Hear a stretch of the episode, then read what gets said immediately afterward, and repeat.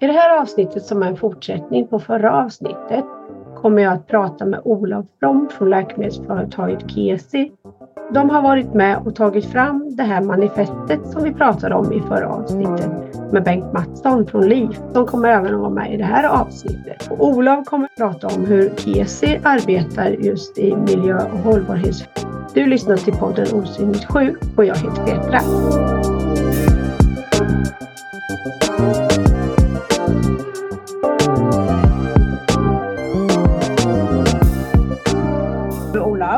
Du är ju nordisk VD på Kesi. Och du får gärna berätta lite hur eh, ni har varit delaktiga i det här manifestet som vi har pratat om. Eh, och Kesi har ju som bekant varit eh, poddens sponsorer några gånger. Så jag tror de flesta har hört talas om er i alla fall. Men du får ändå gärna berätta lite kort ifall att det är någon som inte har hört er tidigare. Eh, nej, men tack så mycket. Tack så mycket för att jag får komma hit Petra. Ola From heter jag och, och, och, som sagt VD för Kesi i Norden. Och vi har funnits i Norden i um, tio år ungefär. Och det är ett italienskt bolag, ett familjeföretag och som har funnits i um, fyra, snart 80, eller 85 år tror jag. Så vi är inne på, det är den, den, eh, just nu så är det den tredje generationen eh, som är med och arbetar. Mm. Vad exakt har Kesi varit med och gjort i den här processen att ta fram det här eh, manifestet? Det man kan säga om Kesi är att det har under väldigt lång tid så har det funnits en, eh, ett stort engagemang för ja, dels för, eh, för den nära omgivningen men även för, för miljö som tidigare varit i någon form av liksom filantropiskt, alltså hjälpverksamhet. Men sen har den övergått delvis i någonting som heter CSR som sen övergick i nu det är någonting som är alltså shared value. Och shared value är jag ska säga, att alla de intressenter som finns i, i, uh, i vår närhet är, är intressenter som vi ska ta hänsyn till. Mm. Uh, och, och en, det kan vara för vår del så kan det vara till exempel, jag menar aktieägare är en sak, en av intressenterna, men det är inte bara den. Utan det har även med att göra med ja, men dels till exempel så som Bengt, en läkemedelsindustriförening, det kan ha med, det kan ha eh, med alltså politiker, omvärld, naturligtvis våra, våra kunder, patienter mm. naturligtvis. Miljön är också mm. en sån här intressent. Men även den egna personalen. Ja. Så att, eh, men, men det som är... Nej, men och där är ju... Ehm, eh, jag, menar, jag, jag kände ju till och kände Bengt eh, tidigare också och mm. han har haft ett väldigt stort, arbetat väldigt mycket med de här frågorna. Och, och jag kan väl säga att jag också har haft ett stort intresse av det här. Och det beror på det stora engagemanget som finns från moderbolaget. Så att jag har blivit, blivit intresserad av de här frågorna och kanske ett stort, att det har funnits ett driv från min sida. Sen när jag blev invald i styrelsen så, så föreslog jag att vi skulle kunna göra någonting lite mer, alltså någon form av, av, av regelrätt strategi och det här, eh, det här manifestet. där fick mm. jag eh, gehör från styrelsen som tyckte att det var en bra idé och, och tog det vidare. Eh, så vi beslutade om det och då fick ju kansliet där, då, där, där Bengt är ansvarig för, eh, för de här hållbarhetsfrågorna fick ta det vidare och arbeta ut där. Så att det har någonstans varit ett samarbete mellan, mellan styrelsen och, eh, och kansliet. Ja. Och, eh, och där jag var med och initierade en del av de här delarna. Mm. Mm. Ni har ju på KSI ett så kallat B Corp-certifiering. Vad, vad är det och vad innebär det? Ja, men det där är ju en... Eh, alltså någonstans om man ska bli, bli bättre och sträva eh, att bli bättre så, så krävs det någonstans att man dels man vet vad man, vilket avtryck man gör nu mm. och eh, att man ska kunna veta hur man blir bättre. Så att det handlar om att mäta, utvärdera och eh, förbättra. Mm. Då, då har um, KSI globalt beslutat sig för att, uh, att ansluta sig till just den här oberoende certifieringen som heter B Corp. Och, uh, och det gör att man, att man mäter då företaget på alla möjliga olika delar som har med hållbarhet att göra. Så rör det sig inte då bara om liksom hur man bra man är på miljö och återvinning utan mm. det, handlar om, det handlar om etik och transparens och hur man, eh, hur man behandlar medarbetare, vilken, vilken struktur man mm. har. Och sen så får man ett, alltså, så, så får man ett antal, ett antal poäng och en utvärdering ja. och så får man en certifiering av det. Ja, just det. Jag tänker på hur mycket tror du att miljöarbetet för er ökar, alltså för er som företag ökar förtroendet bland eh, användare som, och, som patienter och övrig befolkning? Om man, om man jobbar med de här frågorna? Ja, men jag tror att det är helt nödvändigt för oss. Det är, ja. det är fullkomligt nödvändigt för oss att vi, eh, att vi arbetar med det här. Ja. Och eh, jag menar, någonstans så är ju alltså, läkemedelsindustrin är i grunden hållbar om man gör den här alltså mål nummer tre av de här 17 hållbarhetsmålen som FN tog fram. Mm. Och, och det hållbarhetsmålet är ju, alltså det är ju, det är ju relaterat alltså till, till god hälsa och välbefinnande. Och det är, det är egentligen det som de forskande läkemedelsföretagen arbetar med. Och mm. Men det räcker inte riktigt, mm. utan vi måste göra mer. För att mm. vi är en betydande del av dels Sveriges och men även den globala ekonomin. Och även om det någonstans det är 4 till 6 procent av, um, av CO2-utsläppen är från, är från hälso och sjukvården och sen är läkemedel en, en liten del av det så krävs det någonstans att, att vi tar vårt ansvar och även om den biten är väldigt liten så måste man vända på varje sten. Ja. Och, det, och, det är inte, eh, och då krävs det att vi som företag vänder på varje sten. Och, ja. och då krävs det någonstans också att vi som varje individ i företaget vänder på varje sten. Så det, ja. det, är verkligen ett, ett stort ansvar för oss. Ja, precis. Men varför tycker ni på Kesi då att det här är så himla viktigt? Alltså, det förstår man att alla vet ju om hur det är och att man behöver tänka på miljön. Men liksom just företagets syn på det här. Varför tycker man att det är så viktigt? Ja, men någonstans så handlar det om ett större ansvar och det, mm. och det ansvaret när vi var inne och pratade om, om, om intressenter. Mm. Man skulle, om man hårdrar det någonstans så skulle man kunna säga att, att kommande generationer är, är en, en intressent också. Eller, mm. Eh, jag vet, när vi presenterade det här eh, hållbarhetsmanifestet och, så, eh, och jag har pratat med mina barn tidigare om, om hur, eh, vad jag gör och sådär. De är ja. ganska, alltså tonårsdöttrar, de är ganska de är inte så himla lätt imponerade. Men här blev de faktiskt imponerade. Ja, alltså, ja. Bra, bra pappa ja. jag vara. Så då, då kändes det som att ja, men då, gör man, då, då, då, då hjälper man till att driva ja. utvecklingen framåt. Jag tror ja. hoppas, Precis. Känner inte du så också Bengt? Jo, och jag tänkte också just det där när det jag tycker är intressant när, när vi nu pratar med dig som företrädare för Kesi. Liksom det, det är som du säger, det är ett familjeägt företag. Ni är nu inne på tredje generationen eller något sånt där. Och då blir det ju rätt självklart ur ett företagsperspektiv att man lägger det här generationsperspektivet på en fråga. Att, att eh, ska de kommande generationerna eh, inom Kesi liksom inom den ägarfamiljen också kunna ha en, en business, en, en verksamhet att driva. Så, så det klassiska uttalandet, det finns liksom inget, inget företagande i en, i en värld som har brutit samman. Så, så, så där, sen så tycker jag då det är kul att tänka, ja men andra företagsstrukturer då? Ja men sen så finns det ju de bolagen som är helt och hållet ägda utav, utav liksom ute på aktiemarknaden.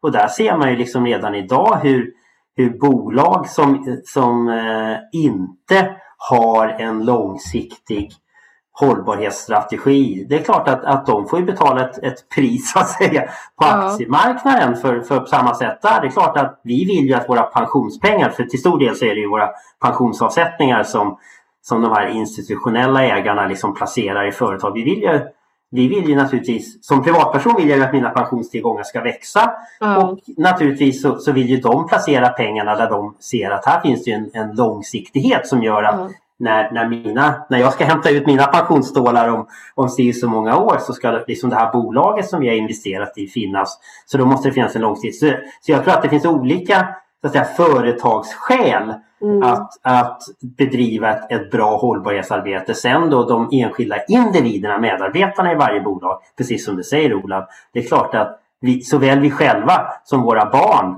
vill ju att vi ska vara på rätt ställe hos bolag som, som förstår att, att vara snälla mot både människa och planet. Så att säga. Ja. Ja, men det, där, det, där, och det där är ju eh, något som jag tycker är viktigt för, för vår del och det handlar om och något som är, som är viktigt för min del så är det just eh, att försöka vara en bra arbetsplats och att vara, bry sig om medarbetarna och eh, försöka skapa så goda förutsättningar för, för, det som, för det som möjligt. Och jag tror, jag menar, det finns nu en också när nya generationer kommer in på arbetsmarknaden så räcker det inte med att, jag menar, att, eh, att, man, får, att man får lön och att, mm. att det finns pensionsavsättningar eh, och så vidare, utan det krävs någonting mer. Ja, ja. Då är det här högre syftet det är någonting som, som naturligtvis jag jobbar med, men även alla mina kollegor i, i branschen och någonting som, som Läkemedelsföreningen också arbetar med. Och kan, mm. vi, kan vi se till att skapa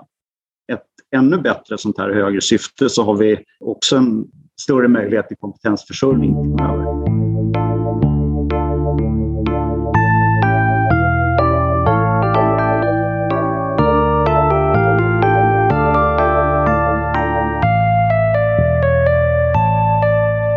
Vad har ni som mål som läkemedelsföretag inom hållbarhetsfrågan och miljön?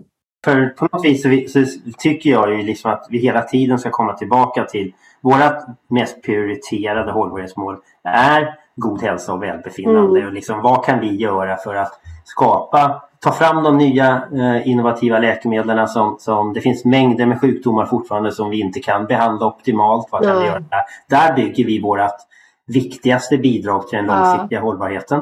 Eh, men Samtidigt så måste vi naturligtvis säkerställa att vi då inte negativt påverkar miljön som, som då så att säga riskerar att minska den mm. goda hälsan och, och eh, välbefinnandet.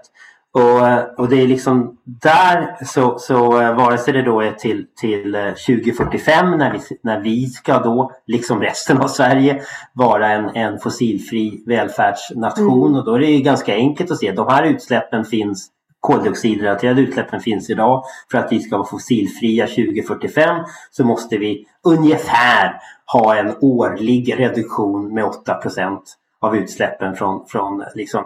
Det där tror jag är alltså jätteviktigt med att, eh, precis som Bengt säger, just det här med att bryta ner målen och, det, och därför så mm. blir det här en, en oerhört viktig del för oss. Men jag skulle också vilja komma tillbaka till det första och det är patienten.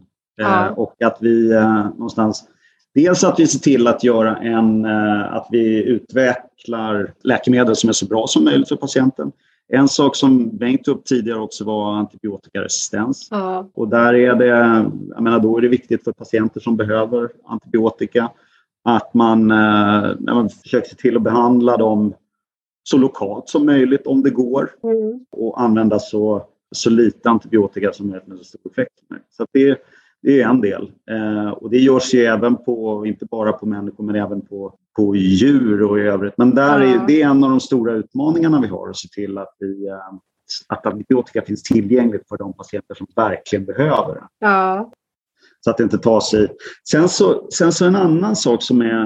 Eh, så handlar ju om... Alltså transparens tror jag är någonting som är också oerhört viktigt. Att ja. vi delar med oss av den att, att det finns en trovärdighet ja. i, i vad vi gör. I till exempel hur vi eh, interagerar med, med patienter och patientföreningar. Mm. För det där tycker jag också är en sån frågeställning som vi måste komma ihåg att, att vår sektor eller liksom när vi jobbar med läkemedel och när, när en läkare har förskrivit ett läkemedel till en patient och, och patienten går till apoteket får, får läkemedlet utlämnat till sig. Att många andra sektorer idag. Så, jag menar, så när jag går till vare sig det är ett Coop eller ICA eller någon mm. annan livsmedelskedja, det finns flera, eh, så eh, räknar vi naturligtvis med konsumentens kloka medvetna val. Och vi ser en, en, en, en ökning utav vare sig det skulle vara liksom lokalt producerade matvaror, det kan vara olika typer utav, utav hållbarhetsmärkta eh, varor. Mm. Men liksom det finns en, bredd av eh, varor att välja mellan och fanns det nu inga eh, hållbarhetsmärkta bananer för tillfället, ja, men alltså, kanske jag köper ett äpple istället ja. som är hållbarhetsmärkt om jag nu vill göra den typen av medvetna val. När jag går till och hämtar ut mitt läkemedel så, vi, så vill vi ju egentligen inte att, att en patient ska börja diskutera liksom, vad är den här producerad någonstans och då vill jag inte ha den, då vill jag ha någonting mm. annat. Mm.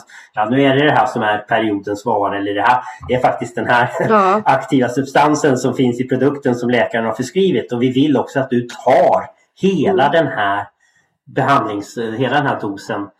Det gör också lite grann att hela transparens Alltså vilken information är det vi bör göra tillgänglig för och för vem? Mm. Eh, det, det, har funnits en, en ganska stor diskussion kring exempelvis var någonstans är läkemedlen producerade? Och läkemedelsmyndigheterna vet naturligtvis det. det allting finns i registreringsdokumentationen. Ja, ja, eh, men den finns inte publikt tillgänglig den här informationen Nej. för varje enskild patient.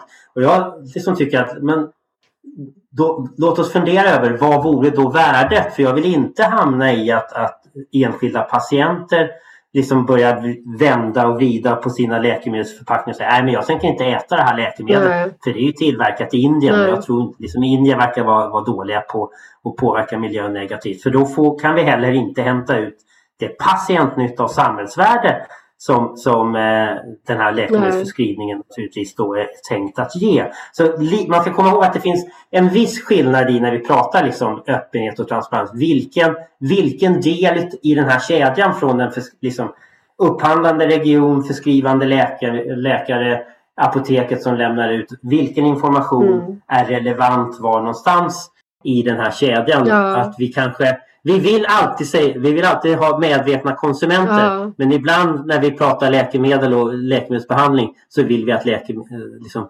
patienten ska följa ja. läkarens ordination. Ja, det är väl viktigt att veta vad man ska vara transparent med. Absolut, jag kan, jag kan, jag kan ge ett konkret exempel på det där från, eh, från Kesi och det är vi har inom Astma Cool så finns det liksom, alltså, egentligen två, alltså när man inhalerar läkemedel så finns det liksom två två sätt. Alltså dels genom spray och dels genom pulver. Ja. Eh, och vi har båda. Men olika, för, för olika patienter är det, har olika behov. Ja, precis. Och eh, CO2-utsläppet för spray är eh, just nu så är det större än för pulver. Och då har vi tagit fram ett... Som första företag så tog vi fram ett initiativ för att för att använda en ny drivgas mm. som, som ska ha mindre, eller alltså 90% mindre CO2-påverkan. Och det är, ett, det är en jätteinvestering och samtidigt så är det eh, rent regulatoriskt är det rätt mm. svårt. Då måste man med den här gasen påvisa precis att den, att den gör samma sak som den ja, gamla. Och, det, och där krävs det ett väldigt nära samarbete med, eh, med läkemedelsmyndigheterna för att kunna mm. få igenom det där. Men det, så det är en typ av möjligheter eh, på hållbarhetssidan som sker, fast som sker på lång sikt. Ja, jag tänker också på det här som läkemedelsföretag. Alltså där har du ju rätt mycket att ta hänsyn till. Jag tänker på ja, leveranser, vad mm. företaget själva, deras personal eller inom företaget vad man använder för bilar till exempel. Det är ju inte bara själva läkemedlet i sig egentligen vi pratar om, utan Nej. det är ju liksom hela företaget, hur man ser på miljöaspekten. Och, och, där Petra så, så skiljer sig egentligen inte läkemedelsföretag så mycket från andra liksom, typer av företag. Nej. Att det är klart att liksom, hur, hur, hur ser våra kontor ut? Vad är det för, för bilar mm. som, som det körs i eller transporter överhuvudtaget? Läkemedelsdistributionen ja. i landet, hur, hur fungerar den med, med vad gäller CO2-utsläpp eller vad ja. det kan tänkas vara. Vad är det för typ av allt ifrån vilket kaffe ja, serveras ja. på, på, på, på kontoret. Ja. Men, och det, det där är ju det, det är så här, där skiljer sig inte läkemedelsindustrin från, från nej, någon annan. Nej, jag tänk, men jag tänker det är bra för folk att tänka att det är ett helhetssätt. Liksom, och inte... Jo, men dels alltså ett av de eh, liksom, målen som vi, vi, vi satte upp då. För jag tänkte så här, vi måste göra någonting. Ja, ja. Och det, tänkte, och det var för för tre år sedan. Och, och ska vi göra någonting så kan jag inte vänta på liksom att, att huvudkontoret gör något. Så vi satte ett, vi satte ett mål att, att inom tre år ska vi förändra eller vi ska minska vårt CO2-utsläpp med, med 40 procent per anställd under en under en treårsperiod. Ja. Och så gjorde vi ett antal, ett antal aktiviteter. Vi gick igenom, igenom liksom vår bilpark, vi tittade på energiförsörjning, vi tittade på alltså alla möjliga olika delar. Ja. Och, där, där, och även flygresor och så vidare. Och där, jag tyckte att vi, att vi hittade ett sätt där och, som vi kunde arbeta med. Och, och, och sen har vi tillsammans med med LIF och, och Bengt. Då kan du berätta Bengt lite grann om, vad, om det här senaste initiativet från, från LIF. Ja, jag kom gärna dit då till någon form av så klimatberäkningsmodell och en färdplan då för en fossilfrihet. Men bara innan det, just där, där här, när vi pratar så här så är vi ganska lika många andra mm. sektorer. Det, det som, jag, som alltid sen då blir intressant och med att du sa en läkemedels producent måste ju ta hänsyn till ganska många olika saker. Så ett av mina favoritexempel är när man eh, ibland då har jag fått höra att man tycker att läkemedel är överförpackade. Mm. Att det liksom är, eh, finns, finns många olika, liksom, det borde vara mycket. Det får jag också höra. Det, det borde kunna gå, gå att göra liksom mycket mindre förpackningar. Ja, det skulle det.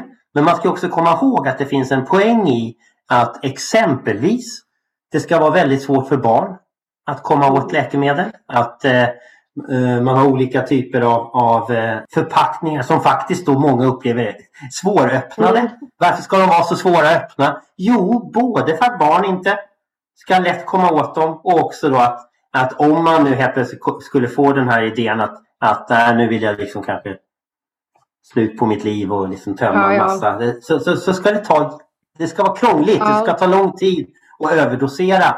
Så det finns många sådana aspekter som vi då, när vi pratar om vi ska göra grönare förpackningar. Ja, men vi kan inte gå bort ifrån att det måste finnas fortsatt då bra skydd för produkten så att den inte förstörs. Men också fortsatt se till då exempelvis mm. att barn inte kommer åt. Så det är speciellt. Men då när vi pratar de här grejerna som är, där vi är ganska lika många andra sektorer. När vi tittar exempelvis då på ett ett kontorsverksamhet som är ganska mycket av det som läkemedelsbranschen liksom har här i Sverige.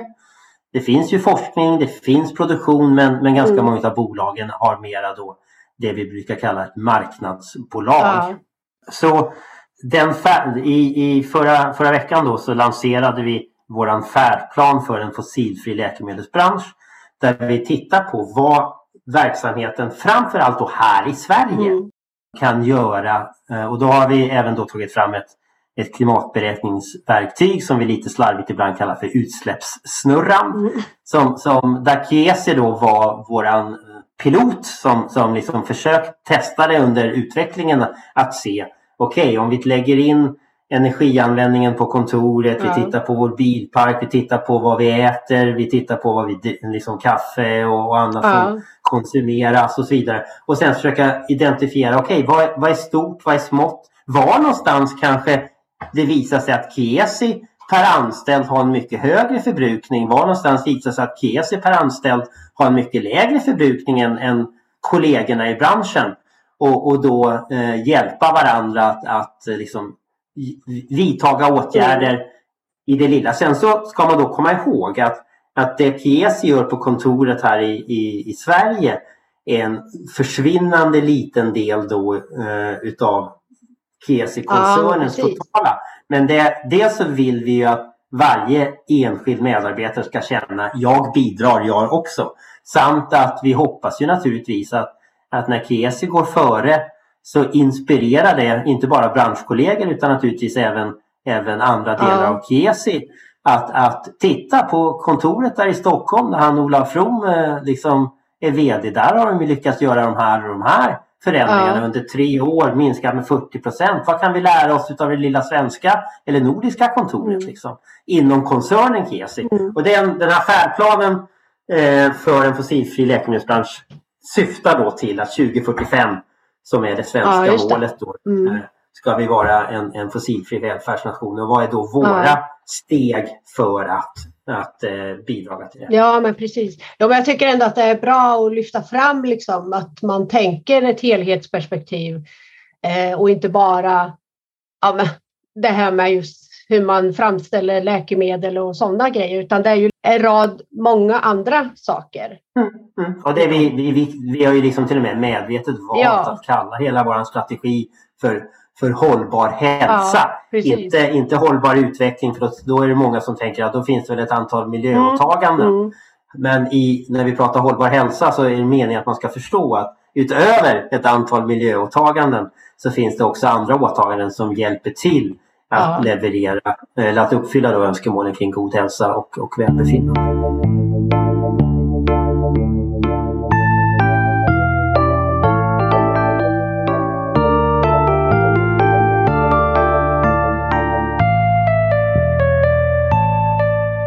vilka har varit de största utmaningarna anser du, Olav, när det gäller hållbarhetsarbetet och miljöarbetet?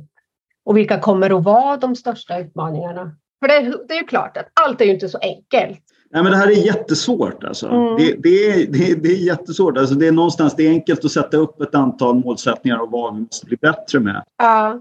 Och, eh, men som, eh, som ansvarig för en, men en, en, begränsad verksamhet, vad kan, vad kan jag påverka kan man tycka och, och, vad spelar det för roll? Men det, jag tror att det är extremt viktigt att vi faktiskt kan göra en skillnad. Mm. Och jag tror ett exempel är Nej, men till exempel i det här eh, alltså hållbarhetsstrategin och manifestet att det, att, att det faktiskt det, det, det går att, att ena sig kring någonting mm. eh, som vi kan jobba vidare på. Och där tror jag att eh, en av de delarna som är viktiga för framtiden så är det här med alltså generositet.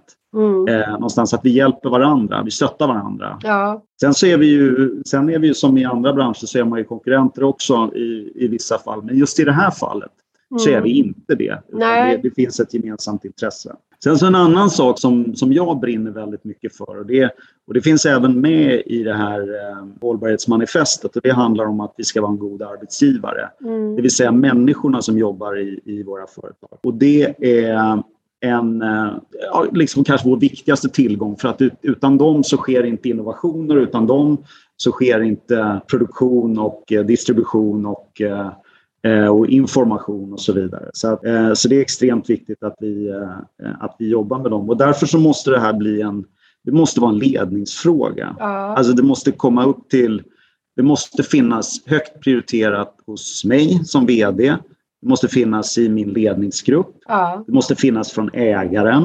Mm. Och det måste finnas hos personalen också. Och därför så är det här med att i varje beslut att man ser till att vi blir mer långsiktiga i våra beslut och att vi någonstans har en att man gör någon sån här hållbarhetstest på varje beslut.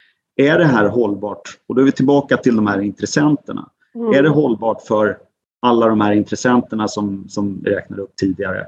Och är, det, och är det hållbart för en av våra viktigaste intressenter, patienterna naturligtvis? Mm. Ja. Eh, får man ja på det, ja men då kan man, då kan man gå vidare.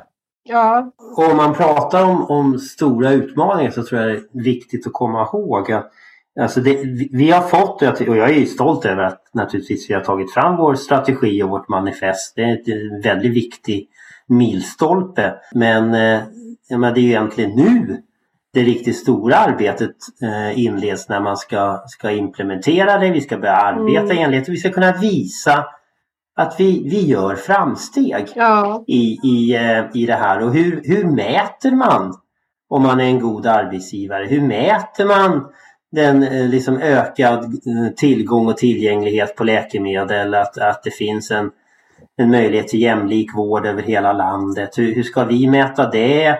När vi tittar på våra utsläpp, hur, hur, hur hittar vi ett vettigt sätt att mäta utsläpp av läkemedelssubstanser, av CO2, mm. att vi blir mer cirkulära.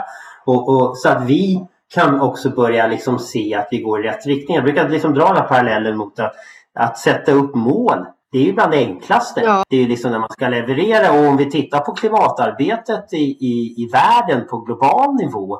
Liksom Parisavtalet, en och en halv grader över förindustriell nivå. Det är liksom där vi har sagt någon slags maxtak. Att, ja, det, det var i och för sig en jobbig process att komma fram till det. Mm.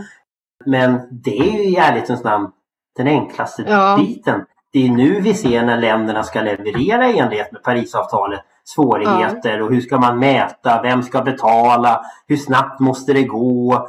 Och, och så jag tror ju att, att en utmaning Olav som, som vi har, du är liksom både som för ditt eget företag men också då som en väldigt viktig del i LIFs styrelse i det här arbetet. Och jag då på kansliet liksom att okej, okay, hur, hur går vi nu vidare för att säkerställa att vi klarar av att fylla upp de här eh, åtagandena, de här nio löftena, uppfylla dem? Och, och, och visa Petra och alla andra eh, att, att eh, sitta, vi går i rätt mm. riktning och, och, och, vi delar gärna med oss av våra erfarenheter så andra branscher, andra delar av läke eller hälso och sjukvården också kan göra den här resan. Ja. Men, men det är faktiskt nu som arbetet på allvar börjar. Ja, men precis. Och det är väl om jag får flika in där så är det ju också att eh, jag menar, det, det, vi försöker göra och det finns kanske någon som kan, jag menar dels i det här med en, alltså en certifiering som vi har haft i den här B Corp-certifieringen som gör eh, som är oberoende när man tittar på alla delar kring hållbarhet och det är väldigt väl kopplat också till de här 17 hållbarhetsmålen så att det mm. finns en. Så det, så det är en sak. Sen på CO2-sidan så har då Kesi också gjort ett åtagande om att vara Eh, CO2-neutrala 2035. Men gäller det hela KES, alltså hela koncernen? Ja, det gäller hela KES, ja. hela mm. KES-koncernen. Mm. Och det gäller, och den där är, det är också en, eh, det handlar inte om någon, eh, det handlar inte om att kompensera på något sätt, det, det handlar om, om, om det, det, är ett, det, det, är en, en hög ambition som vi har. Ja. Eh, och där delar vi gärna med oss också om vi, kring våra tankar kring hur vi gör, vad vi tror är framgångsfaktorerna för att kunna komma vidare. På samma sätt som vi som bransch någonstans delar med oss av hur vi försöker arbeta som bransch. Men återigen som Bengt sa, uppföljning, se till att mäta igen, sätta nya mål och sen mm. så det här med att, uh, att kontinuerligt sätta delmål också.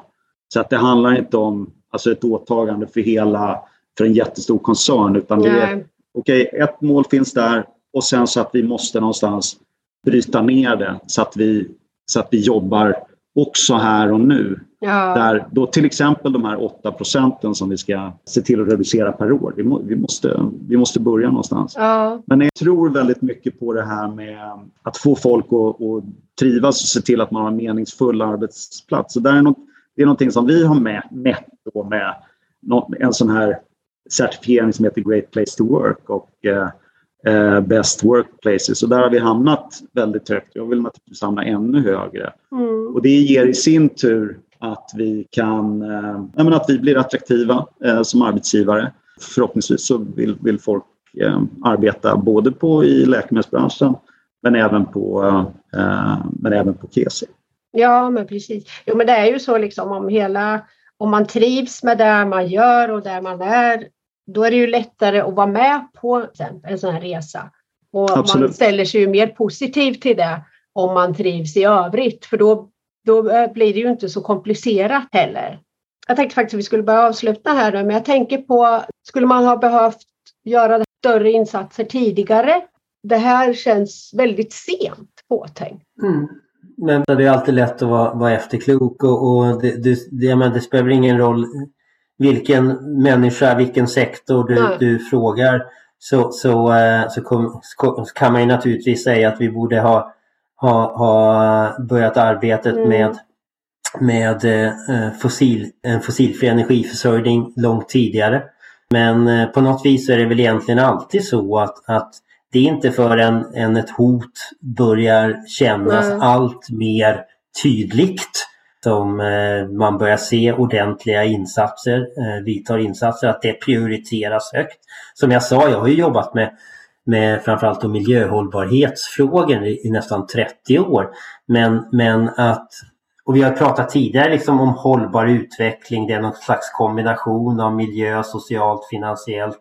Men det var ju inte förrän 20, eh, Agenda 2030 eh, och, och, de 17 globala hållbarhetsmålen som man liksom började skapa en ordentlig struktur. Vilket jag tror har varit en förutsättning för att vi skulle kunna eh, göra en så pass, pass eh, bred hållbarhetsstrategi där vi faktiskt, tycker jag, har lyckats integrera hälsa och, och social hållbarhet mm. med exempelvis då Eh, förklara hur det hänger ihop med, med miljömässig hållbarhet. Och så här. Så, så ja, men hade vi kunnat göra det här för, för vi hade vi kunnat ta fram en hållbarhetsstrategi för 10-15 år sedan. Den hade sett annorlunda ut. Det hade varit mer miljöfokus. Det hade varit mycket mindre kring klimat som inte var riktigt lika självklart då. Eh, och det hade inte funnits någonting kring pandemi. Nu finns det till och med kring pandemi. Varför då? Jo, för att vi har genomgått en pandemi. Så, så ja, jag hade gärna börjat ja. tidigare men, men samtidigt så inser man ju alltid att, att eh, det är inte förrän det blir riktigt skarpt läge som, som, eh, som man, man prioriterar det tillräckligt, ja. tillräckligt högt. Och, och, nu är det som sagt var integrering fullt ut i allt vi gör. Ja. Och det, det fanns egentligen inte på tapeten innan 2015. Nej, och jag tänker då hade det kanske varit svårare att få med sig flera ja. på tåget så att säga. Nu är det ju mer en, en kris nästan. Nej, men nu är det ju verkligen som du säger Bengt skarpt läge mer. Så nu vet alla att nu måste vi göra någonting och då är det ju lättare kanske då att få med sig fler. Och där, om jag får kommentera det också, så är ju alltså en av eh, och då säger jag ja på din fråga, vi skulle ha gjort mer tidigare. Men det finns ju en, det, det, det finns en sak som kanske är allmänmänsklig och det är att det, det, är det här med förändring. Och förändring är svårt. Ja. Alltså, förändring är svårt för alla. Det är svårt för mig. Vi är ju vanemänniskor. Liksom. Ja, men vi är ju det. Och jag, mm. jag, det tog ganska lång tid innan, innan eh, för min del att jag skulle kunna Dels man kanske man förstår att det här är viktigt, men, men hur, ska man, hur ska man, ska man omvandla att man förstår att någonting är viktigt till handling? Ja. Det är väl där som jag, tror, eh, som jag tror svårigheten finns. Och där är, nu måste vi eh, omvandla det här till handling. Mm. Eh, och det är av flera anledningar. Dels, eh, dels, dels för att vi måste göra det, men sen så också de politiska förslag som kommer komma framgent jag är helt övertygad att de kommer bli skarpa också, ja. vilket gör att det kommer ske regleringar framgent. Så vi måste, vi måste vara med i den här takten och den börjar hända rätt snabbt nu. Visst är det så Bengt, att det, alltså det, det, vi, vi måste hänga med och då är, det, mm. då är det viktigt att vi ligger i framkant. Det är väl alltid viktigt tycker jag också att, att eh, både att en branschförening liksom ligger lite i framkant mm. och försöker driva.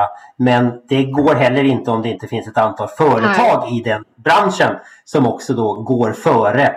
Och då kan vi med liksom, god inverkan och, och eh, från, från de här företagsexemplen, de som ligger före med lite på något vis struktur och samverkan inom ramen för branschen så kan vi faktiskt förflytta en hel sektor. Ja. Det, det, går och det är hög tid att vi gör. Ja.